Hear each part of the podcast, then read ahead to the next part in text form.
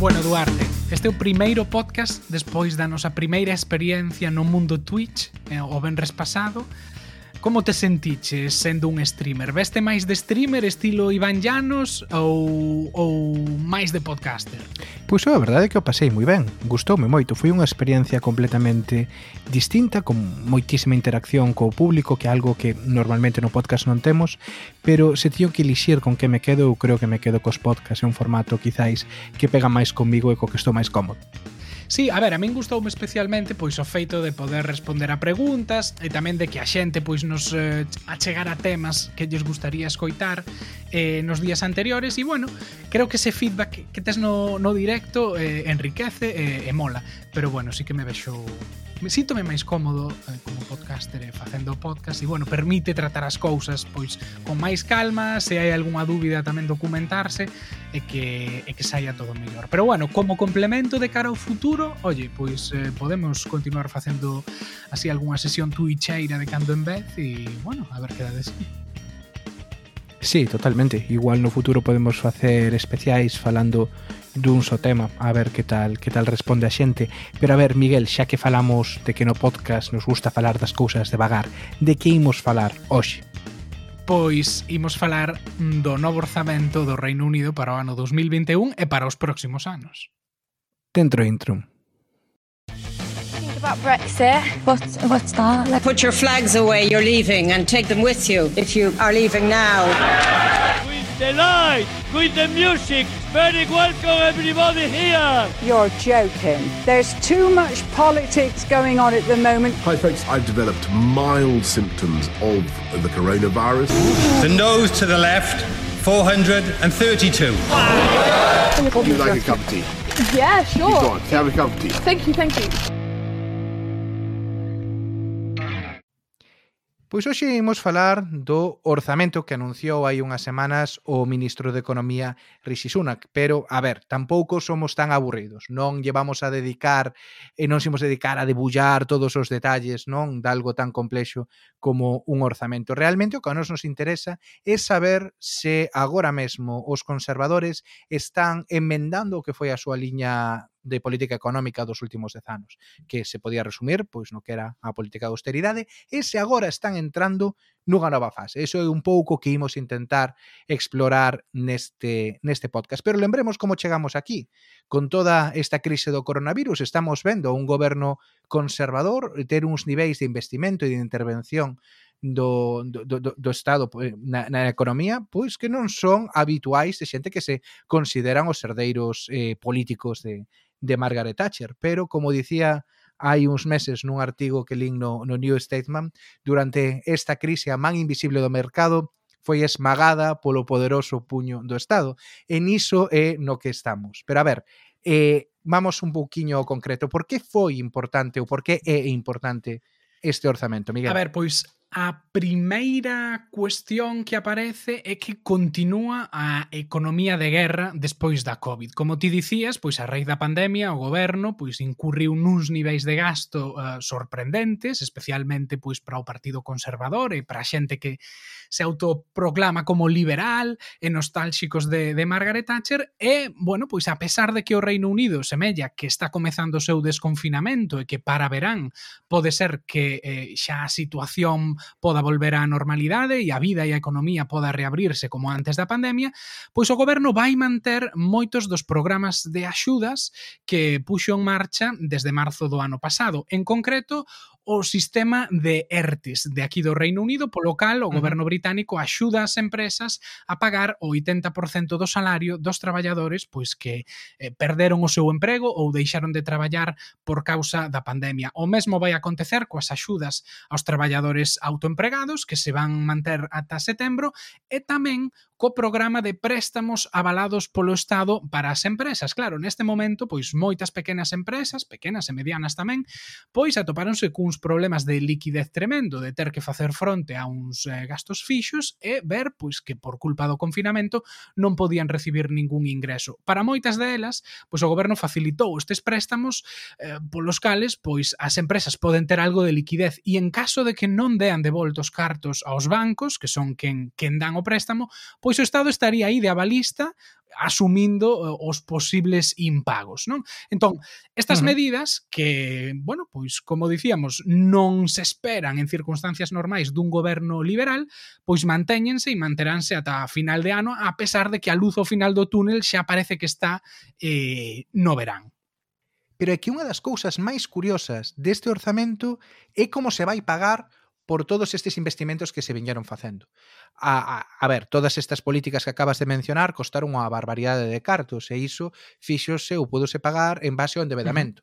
É certo que o Reino Unido ten o seu, a súa moeda propia, ten un banco central que lles comprou a débeda e, polo tanto, son condicións favorables, pero aumentou moito a débeda pública. Iso, iso é unha realidade. Este é o partido que, cando chega ao goberno no 2010, a súa principal prioridade é baixar a débeda. E foron 10 anos de política centrada en baixar a débeda En, entón, como o goberno conservador pretende manter a débeda baixo control se din que ese sigue sendo un dos, dos seus obxectivos. Aí onde veu parte da sorpresa. Un dos principais mecanismos que van a utilizar é a subida de impostos, que é algo tamén moi contraintuitivo a respecto do que foron as súas políticas dos últimos claro, anos. Claro, pero impostos é que impostos, non? Porque eh, sí que é certo que, por claro. exemplo, cando chegou Margaret Thatcher ao poder, o que fixo foi baixar radicalmente o imposto de sociedades, e é moi lembrada por iso, pero non se lembra tanto uh -huh. o feito de que nada máis chegar tamén subiu o IVA, non? Que é algo que nos claro. últimos anos da austeridade tamén vimos. Gobernos de dereitas pois baixando impostos de sociedades,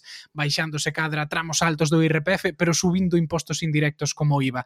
Neste caso, o IVA non sube, pero sí que sube sociedades se efectivamente a proposta que fixo eh, Rishi Sunak, uh, Rishi Sunak é que nos próximos anos, para 2023, o imposto de sociedades vai chegar ao 25%. É verdade que non é un imposto altísimo, temos que, a ver, por poñelo un pouquiño en contexto, Francia, Portugal, Australia, Alemania, Xapón, eh, todos eles terían impostos máis altos que mm, que, que o do 25% e moitos máis Estados Unidos, etc, etc. Incluso España estaría nesa, nese nivel. Non un imposto particularmente alto, pero que o Reino Unido estaba orgulloso de ter un imposto de sociedades moi baixo, porque o mantra que repetían durante moito tempo os conservadores é un imposto de sociedades baixo implica maior recadación, porque implica maior actividade económica, etc, etc. Ese era o argumento ideolóxico que agora parece que eso sí que o están tirando tirando o lixo unha subida do 25%, rompe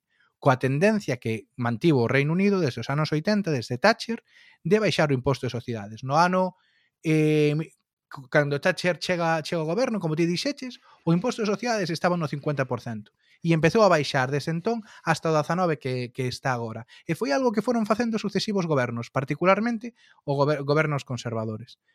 Entón aí hai un cambio, hai un cambio de paradigma importante. Claro, e hai que lembrar que desde que chega David Cameron, no, no ano 2012, uh -huh. aí eh, levamos 2010, 2010 perdón, 2010, levamos claro. eh, a 11 anos de consecutivos de gobernos conservadores e a intención o patrón que se marcara desde aquela época fora pois que o imposto de sociedades tiña que baixar ata o punto de que o anterior ministro, bueno, que fora ministro de Facenda con Cameron, George Osborne, o obxectivo que tiña era reducila ata o 15%.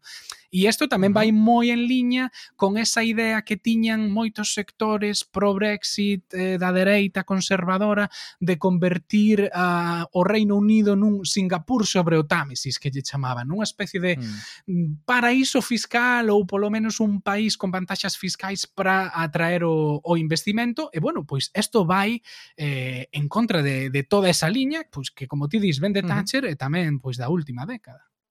Uh -huh. Pero aínda quedan eh, impostos para anunciar, non é?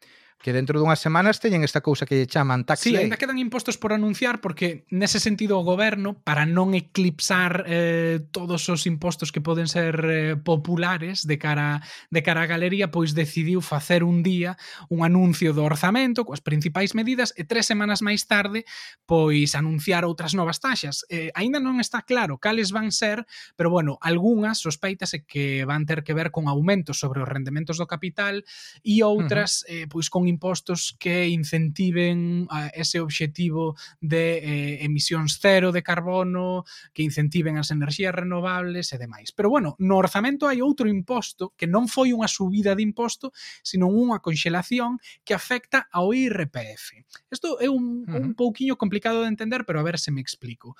O que o goberno eh, vai facer durante os próximos 4 ou 5 anos é conxelar os tramos do IRPF, é dicir, que eh, a toda agora quen máis cobra pois vai pagar unha porcentaxe dos seus ingresos eh, superior.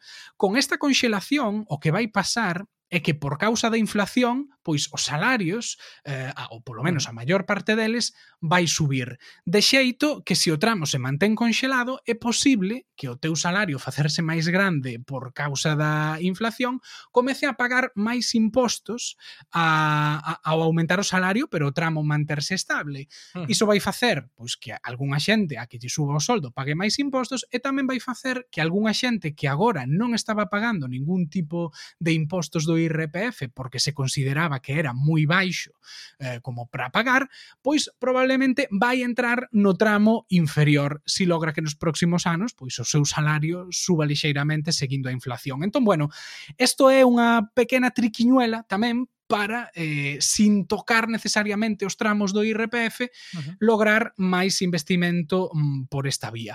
Pero bueno, falamos de que o goberno británico vai a empregar esta ferramenta de máis impostos para reducir o déficit, pero non deixa, eh, por iso, de recurrir ao clásico da dereita para controlar claro. a débeda, que son os recortes, non? Claro, porque a ver, aquí estamos falando dunhas subidas de impostos que parece que Jeremy Corbyn asaltou eh, o Downing Street, non? Pero pero non. Eh, a con todo siguen sendo conservadores e aínda que non se falou moito, disto segue habendo unha, bueno, partidas de recortes aproximadamente en torno a 4.000 millóns, o que espera eh, recortar eh, con este con este orzamento, a pesar de que xa no anterior anunciara outra tanda de recortes outros 11.000 millóns, ou seja, que aínda siga habendo vontade de reducir o gasto público nalgúnas, nalgúnas áreas. Que cambia respecto doutros gobernos conservadores anteriores? Bueno, pois de entrada que hai algunhas partidas que van a estar protegidas.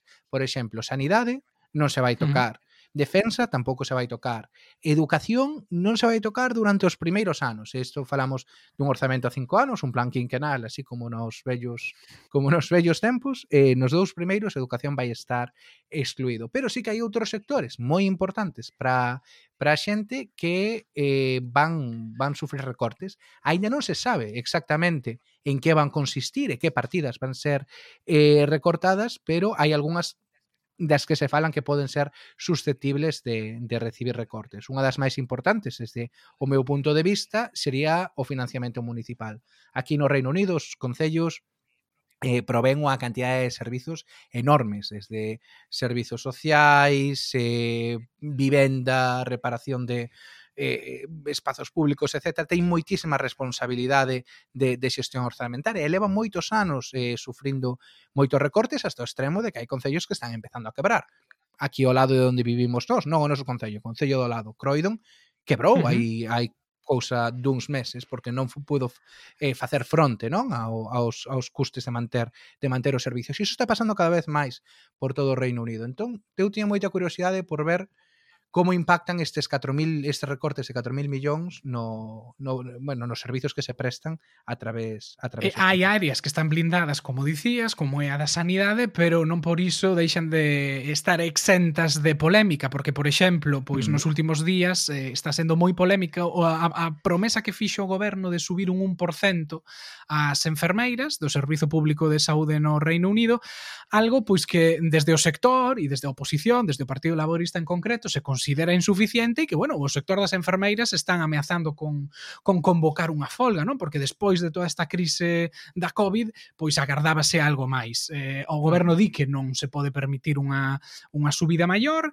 eh, que os límites do, dos impostos que poden subir son os que son, eh, que o endebenamento do que falábamos antes estáse, face, estáse convertindo mai, en algo máis custoso, pois porque é certo que os, os xuros están baixos, pero nas últimas semanas están, están están subindo sensiblemente e bueno, pois eh, veremos que pasa con, con esa folga, pero bueno, a pesar de estar blindado, pois non deixa de, de haber polémica aí. Entón, bueno, Duarte, estes son pois os grandes titulares, non? Ou as grandes eh, medidas, as, uh, os puntos importantes deste orzamento, pero baixo o teu punto de vista isto supón un cambio realmente profundo na política económica conservadora ou é algo, pensas, máis cosmético ou temporal? Pois eu creo que é un cambio de certa profundidade. Creo que sí que estamos diante dun dun cambio de, de paradigma económico, como puido ser o cambio do keynesianismo que se chama neoliberalismo ou o cambio do modelo anterior ao que ao que foi o keynesianismo a partir do, do 45. Sí que ver a gobernos conservadores eh, asumir como normal semellante intervención na economía creo que mm, creo que vai a como dicilo, que, que vai para longo uh -huh. e que imos entrar nunha fase na que o Estado, o investimento público e os impostos non van a ser tan tabús como foron no, no período anterior. Ainda hai moitos conservadores aos que isto lles está costando e podelo ver ler nas eh, páxinas de opinión de calquera de calquera medio conservador, pero se unha cousa demostrou, eu creo, este este partido ao longo dos seus 100 200 anos de historia e unha capacidade enorme para adaptarse aos tempos, para non ser dogmático respecto a algunhas cousas e sempre flexibilizar e adoptar políticas que igual non eran as tradicionais deles, pois para manterse no poder e, bueno, para defender os intereses dos sectores sociais aos que les, aos que les defenden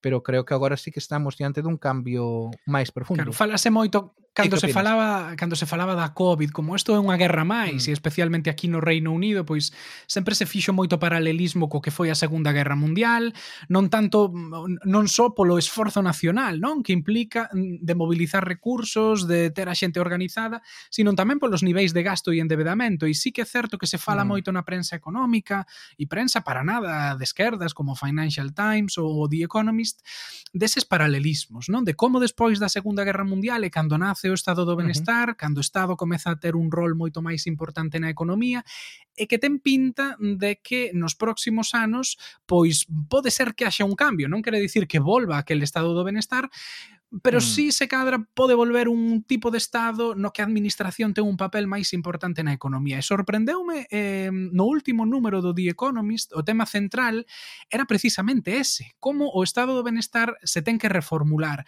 Eh, e asumían que probablemente eh, si despois dos anos 70 o risco, por así dicilo, non? Ou eh, o, o, o estado se replegou e se, e se as, deixou as familias asumir máis riscos, máis incertidades certezas e dar máis liberdade ás empresas, no propio The Economist din que se cadra agora é o momento de que as familias gañen algo máis de seguridade, mm. as empresas asuman máis risco e o Estado gañe un papel máis importante na economía. E sorprendíame como mm. falaban de que pois eh, bueno, pois de que o Estado sí que se demostrou que tiña que intervir máis e de que non só polo feito de que unha persoa saia da pobreza, pois o Estado xa ten que desaparecer, que a COVID o que demostra é que o Estado necesita de estructuras e recursos para intervir en momentos inesperados onde pois unha persoa ou un grupo de persoas se pode convertir en, en dependente. Falaban incluso mm. da, da, mm, de explorar a posibilidade da renda básica universal e non falaban desa política como uh -huh. unha mm. proposta supercomunista. De feito, falaban e medio alababan a, ao que fora candidato ás primarias do Partido Demócrata, este empresario asiático que tiña como medida estrela crear unha renda básica universal nos Estados Unidos, agora vaise candidatar a alcalde de Nova York, leva esa proposta e vai líder nas enquisas, no sentido de que Xa na propia dereita se asume que eh, probablemente vai haber que ceder terreo e o Estado pois vai ter que gañar eh, protagonismo nos próximos anos. E bueno, o, o cambio no imposto de sociedades a min pareceme fundamental, porque é o que dicíamos ao principio, é un cambio con esa, ese mantra de que non só impostos baixos van facer que a recaudación aumente, senón, isto dicía o Martin Wolf, que como a Biblia do Financial Times, eh, a idea que tiña Cameron de que impostos baixos ian tamén implicar máis investimento das empresas, que desde a crise financeira iso se demostrou un fracaso no caso do Reino Unido, é un dos países das economías avanzadas do mundo onde máis que o investimento privado a pesar de ter uns impostos de sociedades máis reducidos. Bueno, poderíase falar de ata que punto o Brexit e as incertezas do Brexit puideron ter un factor aí, claro. eh, pero bueno, sí que hai consensos que están saltando polos aires, desde logo. Pero que eu tamén creo que eses consensos están cambiando moito a nivel social, non? E que quizáis agora a maior hai máis xente dentro da opinión pública que ve con vos ollos unha maior intervención do claro. Estado e, e que no e que se revelan un pouquiño, pois claro que foron o, o a políticas políticas de austeridade, claro que foi eh digamos o dogma neoliberal e sobre todo xente xente tamén máis nova, non? Que, que quizáis a súa situación económica máis precaria, con máis dificultades de acceso á vivenda, que tamén queren certa máis máis estabilidades. E eu creo que aquí neste neste país houbo toda unha serie de como pequenas revoltas políticas que amosaban ese descontento, sexa o referendo de independencia en Escocia, sexa o referendo de Brexit, sexa que aparece unha figura como a de Jeremy uh. Corbyn, que hubo toda unha serie de, de mostras non de que algo estaba cambiando tamén na opinión pública en comparación co que se falaba aquí aí, pois pues non sei, cando eu cheguei a este país no ano 2010, que todo era había que recortar porque a xente estaba eh, chuchando dos benefits e das axudas públicas claro. para mercar televisións de plasma, entón ese discurso desapareceu desapareceu realmente dos eh, da, do debate público e agora estamos nunha, nunha fase completamente. Claro, iso era o que falaban precisamente no The Economist, eh, que agora hai estudos, eh, este en concreto penso que era no Canadá, eh, no que precisamente cambiaran as tornas niso que ti mencionas, en como nos anos 2000 a, había unha porcentaxe de xente que consideraba que o sistema era injusto porque estaba beneficiando a xente que non o merecía, non? Os chupópteros de axudas que non fan nada, non buscan traballo nin nada. E como agora esta crise o que lle demostrou a moita xente é que eh, o falle falta un estado porque viron que se quedaron sin emprego, porque viron que tiveron que pechar as súas empresas e foi o o Estado quen estaba aí dándolles algún tipo de axuda. Entón, cambiou a perspectiva para moita xente. Claro, non é igual que só haxa un 5%, un 10% da poboación que recibe axuda de, do, do Estado, pois en base a, a rendas, a subsidios ou que sexa, a que de repente te atopes con que o 60% da poboación recibiu algún tipo de axuda nun momento de moito incerteza, moito medo, uh -huh. iso socialmente claro que fai cambiar o o papel o papel do Estado na economía. A min unha cousa que non mencionamos antes eh, e que me chamou moito mm. a atención eh, non tanto pola importancia económica que tivo a medida como polo simbólico. Eh, O goberno británico eh, puxo en marcha un sistema de eh, préstamos para startups innovadoras, empresas innovadoras. Eh, porque, bueno, pois pues neste momento de liquidez, as startups son empresas que nos primeiros anos que comezan a funcionar, pois adoitan dar dar perdas, eh, e, bueno, pois o, as axudas que había que estaba dando o goberno, lóxicamente, eran axudas a empresas que tiveran beneficios. Entón, eh, para tampouco non subvencionar proxectos que foran ruinosos, pero entendendo que as startups son algo particular, particular, crearon este fondo de préstamos polos cales o goberno lle dá un préstamo á empresa e a empresa, se non quere ou non é quen de pagalo de volta, o que acontece que o Estado se converte en accionista da empresa. De xeito que agora mesmo o goberno británico, o goberno conservador, cun ministro de Economía supostamente pois tacheriano, é copropietario de pequenas empresas, de pequenas startups que se dedican desde a facer mm, envases eh, eh, feitos con material eh, reciclado, ata empresas que están desenvolvendo retretes de última xeneración, tamén moi eco-friendly, e claro, se si analizas o que foi ese investimento non foi moito, pero atópaste con que o goberno británico é copropietario de empresas privadas agora mesmo, que, que é algo que vai por completo en contra dos dogmas do liberalismo. E é un cambio que aconteceu agora e aconteceu coa COVID, é dicir, outro tabú que se rompeu, entón Bueno, ata onde chegarán eses cambios? Esa é a pregunta. E, e o estado emprendedor, claro, gañou, gañou Mariana Matsukato. Claro, claro. claro. Eh, e unha cousa da que, da que non falamos, eh, que, bueno, o Partido Laborista que, neste claro. contexto, ten que estar encantado, porque neste orzamento houbo cousas que se fusilaron do programa de 2019, que era o programa máis á esquerda desde o ano 82. Sí, pois paradóxicamente non é o caso. E a min o que, bueno, con algunhas medidas, especialmente coa subida do imposto de sociedades, ti pensas, sí. o Partido Laborista, a esquerda, subir impostos a empresas, nun momento duro no que que máis ten, máis ten que achegar, bueno, pois eles están en contra eh, incomprensiblemente. Bueno, hai un motivo, ou polo menos o sector do laborismo que o defende ten un motivo, e é que din que pois nun momento de crise como este, precisamente poñerlle máis trabas ás empresas que son as que crean riqueza e crean emprego, pois non é a política económica máis axeitada. É que pois nun momento no que semella que os conservadores non están poñendo as cousas fáciles o sector empresarial, o laborismo ten que irrumpir aí para gañarse, parece, o voto dos empresarios. E claro, eso é algo que nos sectores da esquerda do partido pois non se entende. Claro, a ver, é que a, a min mm, e aquí xa entramos máis na, na miña, na nos, nas nosas opinións hmm. persoais. A min como estrategia política pareceme pobre, pobre sí, do todo, eh. Outro día estaba escoitando un podcast, non, no que falaba, bueno, era o podcast de, de Owen Jones, e dicían unha cousa que eu, que eu non sabía, que cando James Callaghan, o que foi ministro laborista xusto antes de Thatcher, que houve un momento no que, bueno, pois eh, na, había moita crise económica, pois que dá un certo xiro monetarista, non? Que era o que viña propoñendo o Partido Conservador. Margaret Thatcher, daquela líder da oposición, non non titubea. Ela di que moi ben, pero que queren máis. Claro.